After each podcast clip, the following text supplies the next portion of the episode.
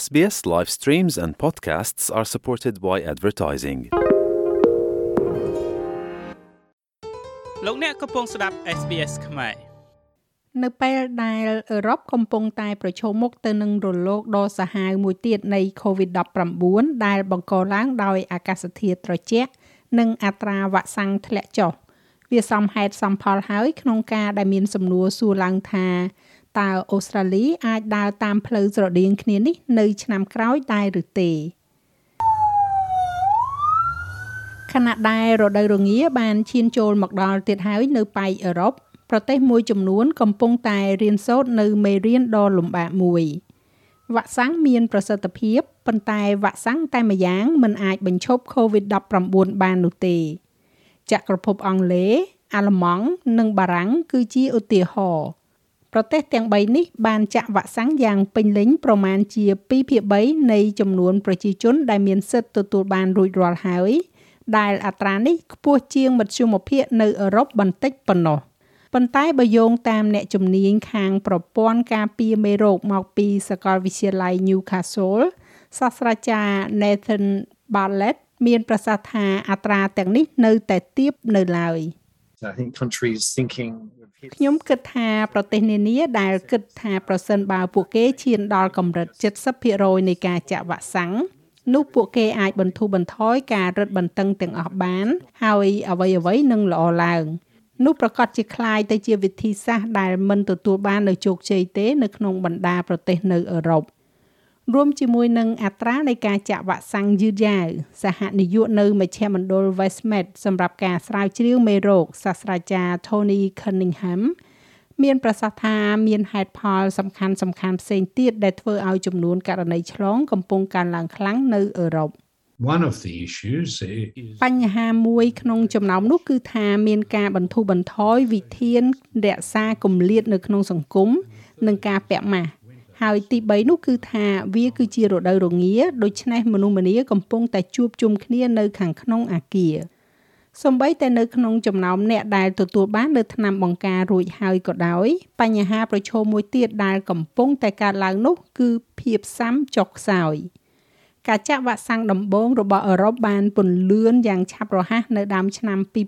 2021 ដែលមានន័យថារហូតមកទល់នឹងពេលនេះប្រជាជនជាច្រើនបានចាក់វ៉ាក់សាំងមកអស់រយៈពេលជាង6ខែហើយ។អ្នកជំនាញខាងភាពសាំមកពីវិទ្យាស្ថាន Peter Doherty នៅក្នុងទីក្រុង Melbourne ដុកទ័រ Jennifer Juno និយាយថារឿងនេះត្រូវបានគេរំពឹងទុករួចទៅហើយ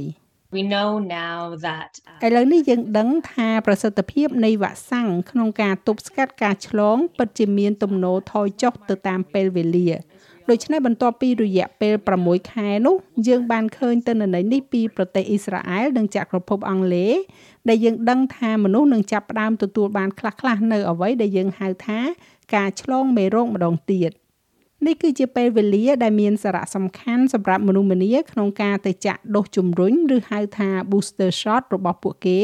ដើម្បីពង្រឹងប្រព័ន្ធភាពស៊ាំរបស់ពួកគេចំពោះមេរោគនេះ។ប៉ុន្តែប្រជាជនអឺរ៉ុបជាច្រើននៅតែមិនអាចទៅចាក់ដូសជំរុញនេះបាននៅឡើយនោះទេនៅប្រទេសបារាំងបច្ចុប្បន្នដូសជំរុញនេះមានសម្រាប់តែមនុស្សដែលមានអាយុលើសពី50ឆ្នាំឡើងទៅតែប៉ុណ្ណោះ នៅក្នុងចក្រភពអង់គ្លេសវាត្រូវបានគេបំរុងទុកសម្រាប់អ្នកដែលមានអាយុលើសពី40ឆ្នាំឡើងទៅហើយគណៈពេលដែលជនជាតិអាល្លឺម៉ង់ទាំងអស់ដែលមានអាយុលើសពី18ឆ្នាំឡើងឥឡូវនេះមានសិទ្ធិទៅចាក់ដូសជំរុញនេះបានហើយនោះគោលនយោបាយនេះទើបតែចូលជាធរមានកាលពីសប្តាហ៍មុនប៉ុណ្ណោះដើម្បីឆ្លើយតបទៅនឹងការកើនឡើងថ្មីៗនៃចំនួនករណីឆ្លង COVID សាស្ត្រាចារ្យ Ballet មានប្រសាសន៍ថាបើគ្មានវិធីសាស្ត្រជាឯកសន្តាន ចំពោះការចាក់ដូសជំរុញពីរដ្ឋាភិបាលទេនោះវានឹងបន្តមានអត្រាឆ្លងខ្ពស់និងការសម្រាប់ព្យាបាលនៅមន្ទីរពេទ្យច្រើន their advice around boosting ការណែនាំរបស់ពួកគេជំវិញដូសជំរុញនេះមានភាពមិនស៊ីសង្វាក់គ្នាខ្លាំងណាស់នេះមានន័យថាដូសជំរុញមិនត្រូវបានដាក់ឲ្យដំណើរការក្នុងវិធីសាស្ត្រទូលំទូលាយនិងមានប្រសិទ្ធភាពនោះទេ ហើយម្ដងទៀតនេះកំពុងតែបន្សល់ទុកនៅចន្លោះប្រហោងដ៏ធំនៅក្នុងការការពារដូច្នេះតើប្រជាជនអូស្ត្រាលីគួរបារម្ភថារលកថ្មីនៃ COVID-19 ស្រដៀងគ្នានេះអាចកើតមាននៅទីនេះដែរឬទេជាមួយនឹងការបើកព្រំដែនអន្តរជាតិឡើងវិញ វាទំនងជានឹងមានចំនួនករណីឆ្លងកើនឡើងប៉ុន្តែអាជ្ញាធរបាននិយាយថាអូស្ត្រាលីនឹងត្រៀមខ្លួនកាន់តែប្រសើរឡើងដើម្បីដោះស្រាយការកើនឡើងនេះ ដុកទ័រជូណូនិយាយថានោះដោយសារតែអត្រាចាក់វ៉ាក់សាំងខ្ពស់របស់ប្រទេសអូស្ត្រាលីដោយមានមនុស្សជាង85%ដែលមានអាយុលើសពី16ឆ្នាំឡើងទៅនៅទូទាំងប្រទេសបានចាក់វ៉ាក់សាំងពីរដូសរួចហើយ។ហើយការចាក់វ៉ាក់សាំងដូសជំរុញគឺមានសម្រាប់ប្រជាជនដែលមានអាយុលើសពី18ឆ្នាំឡើងទៅនៅគ្រប់វិជ្ជាបណ្ឌិតពិនិត្យជំងឺទូទៅឬក៏ GP និងឱសថស្ថានទាំងអស់ I think there are a number of factors that are ខ្ញុំគិតថាមានកត្តាមួយចំនួននៅខាងយើងក្នុងចំណុចនេះជាក់ស្ដែងយើងមានវ៉ាក់សាំងដូសជំរុញច្រើនសម្រាប់ចាក់ជូនប្រជាជនដូច្នេះខ្ញុំគិតថាវានឹងធ្វើឲ្យប្រសើរឡើងនៅសមត្ថភាពរបស់យើងនៅក្នុងការកាត់បន្ថយការឆ្លងហើយការឈានចូលដល់រដូវក្តៅយើងសង្ឃឹមថាអាកាសធាតុក៏ជួយថែមបន្តិចបន្តួចទៀតហើយនឹងមិនឃើញផលប៉ះពាល់ខ្លះៗនៃរដូវរងានោះទេ ប៉ុន្តែសាស្ត្រាចារ្យ Cunningham មានប្រសាសន៍ថាប្រទេសអូស្ត្រាលីត្រូវតែធានាថាតំបន់ដែលមានអត្រាចាក់វ៉ាក់សាំងទាបជាងគេមិនត្រូវបានទុកចោលនោះទេ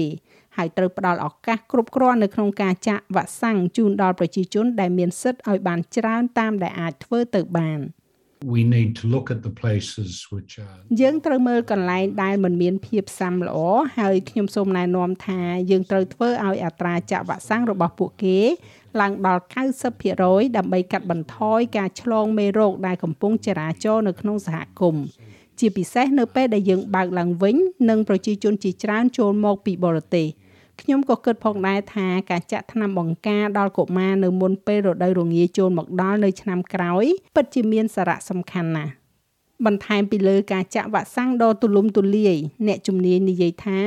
អូស្ត្រាលីត្រូវតែបន្តជាមួយនឹងផែនការដែលគេហៅថាវ៉ាក់សាំងបូកឬ Vaccine Plus របស់ខ្លួន ដើម្បីការពារប្រជាជនខ្លួនឲ្យបានប្រសើរបំផុត។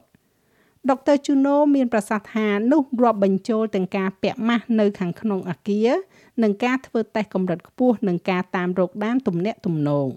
So all of those uh, types of intervention ដូច្នេះរាល់ប្រភេទនៃអន្តរាគមនិងសកម្មភាពទាំងនោះហើយនៅតែចងចាំពីការរក្សាគម្លាតនៅក្នុងសង្គមនិងមានសារៈសំខាន់ខ្លាំងណាស់ក្នុងការជួយយើងឲ្យឆ្លងកាត់រយៈពេល6ខែខាងមុខនេះ។ ចាស់សម្រាប់វិធានការសុខភាពនិងជំនួយគាំទ្រដែលមាននៅក្នុងពេលបច្ចុប្បន្ននេះដើម្បីឆ្លើយតបទៅនឹងការឆ្លងរាលដាលនៃ COVID-19 ជាភាសារបស់លោកអ្នកសូមចូលទៅកាន់ sbs.com.au/coronavirus